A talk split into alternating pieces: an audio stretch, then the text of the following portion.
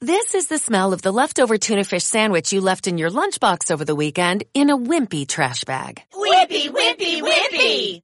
Blech! And this is the smell of that same sandwich in a hefty, ultra strong trash bag. Hefty, hefty, hefty! Ah, smell the difference? Hefty Ultra Strong has Arm & Hammer with continuous odor control, so no matter what's inside your trash, hmm, you can stay one step ahead of stinky. And for bigger jobs, try the superior strength of Hefty Large Black Bags. Verbas romatadas en ción ou zón. Nos documentos e libros antigos escribidos en galego, cuyos manuscritos consérvanse e algúns deles están publicados, vense grafías como entensón, orazón, quitasón, bendizón, etc., que na Idade Meia pronunzábase entensón, orazón, orasón, quitasón, bendisón, como aínda lixeiramente variado úsase en Portugal. Intensaun, orasaun, quitasaun, bendisaun, que se pronunzan case que igual inda que con maior nasalidade, como se levaran o N final que conserva o galego mas pola parte central da Galiza, a parte o grande seitor da beira-mar onde se mantén aquela pronunza, dícese intención, oración, etc. E moitos escritores así o poñen adoptando esta forma introducida polas escolas que fan o ensino en castelán. No obstante, no dicionario que encomezou a publicar a Real Academia Gallega atopamos acrarazón, adulazón, alegazón, animazón, benzón, canzón, carnazón, calificazón, etc. Polo que eu así consineino no composto e dado a luz por min. Como esta forma é a equivalente da clásica terminación son, e máis aínda usada en Portugal, sound, xa dixen devanceiramente que se pronuncia igual, sound, sendo case mudo o A coido que debe ser a que usemos no galego se habemos de conservar a pureza do noso idioma. O padre Frei Martín Sarmiento nas súas copras segmentadas emprega acramazón, congergazón, intenzón, publicazón, benzón, e igualmente no folleto publicado polo Seminario de Estudos Galegos, que tiña sido fundado na Universidade de Santiago polo distinto profesor don Salvador Cabeza de León, con algunos e algúns escritores que se lle adheriron figuran algunhas normas para a unificación do idioma galego. Estas normas, despois de escoitados os pareceres da Seizón de Filoloxía, foron presentadas polo director desta o plano do seminario, que acordou a súa publicación na Xuntanza Xeral do 15 de outubro de 1933. Pois ben, como pode aprezarse, empregase nel o final en zon, de acordo co dicionario da Real Academia, e del rexistro as voces. Conservación, consideración, conxunción, distinción, evolución, innovación, nazón, orientación, perfeición, poboación, posición, preposición, seizón, solución, unificación. E di o noso himno galego. A nosa voz pregoa a redención da boa nazón de Breogán se algúns escritores e outros dicionarios empregan a forma castelar rematada en ción e din que os que usamos a crásica dos nosos cancioneiros, códices e diplomas en zón, facémolo por nos diferenciar da lingua oficial castelá.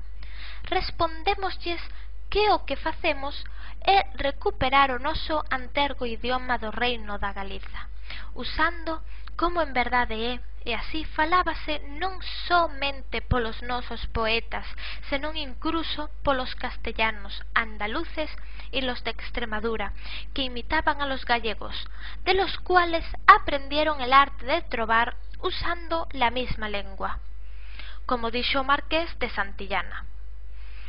E aquelas formas aínda hoxe son empregadas en Portugal, porque, como é ben sabido, o idioma galego foi o mesmo do novo Estado portugués, como teño dito. É lingua romance culta, é a de Portugal, mas que sexa diferente e desenrolase nela tamén unha cultura diferente. Mas non inferior a castelá, lingua e cultura, que é a expresión e o espírito duns 86 millóns de persoas. En calquer dicionario portugués pódense comprobar a existencia actual dos vocabros que cito nun dos párrafos de Banceiros, que a algúns lles non parecen cultos, porque se non asomellan á maneira castelá na grafía nen na pronunza.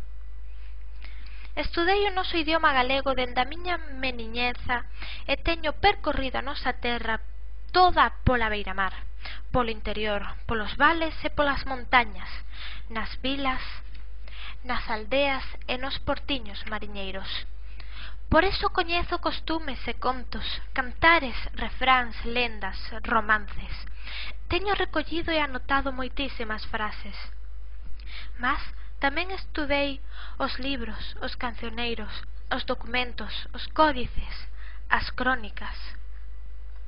Este meu dicionario, cuya cuarta edición sai agora contén máis de 29.500 vocabros, e non pasando de Valladares, que era o máis completo dos devanceiros ao meu, de 9.300 podes aprezar o meu labor, e máis, tendo en conta que moitas das voces que figuran naquel as non recollín no redaitado por min polas non considerare propias da nosa lingua que sendo a lingua galega devanceira da castellana é máis formada para ser escribida e maormente usada para a poesía, don Ramón Menéndez Pidal na súa gramática historia diz El castellano ha tomado gran número de palabras de la lengua gallega.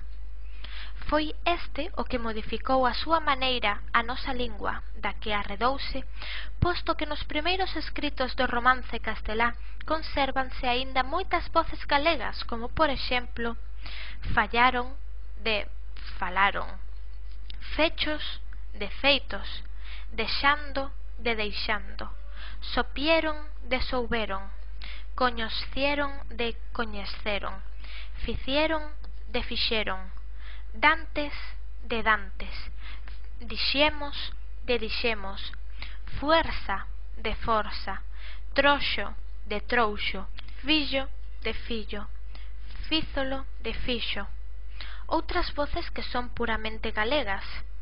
Leis alongando, agora, desque, guardarllo, levarllo, maldisón, doller, arcebispo, etcétera.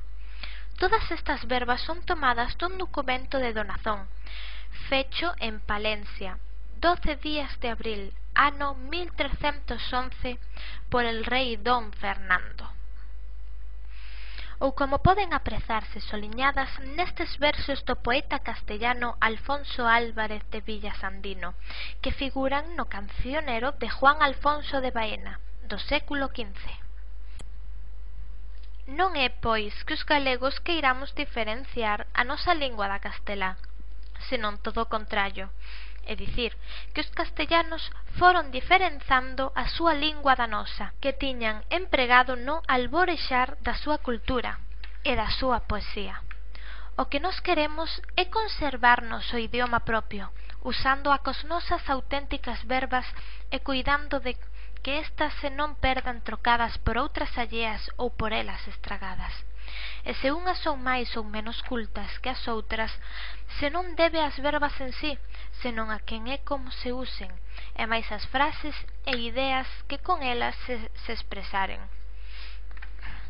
Por outra parte, para modernizar e ou autualizarmos a nosa lingua, coidamos que non habemos empregar en escritos cultos as formas populares de aquelas persoas que mormente nos arrabaldos das cidades máis poboadas empregan unha linguaxe corruta tal é o noso criterio e a ele a téñome neste dicionario.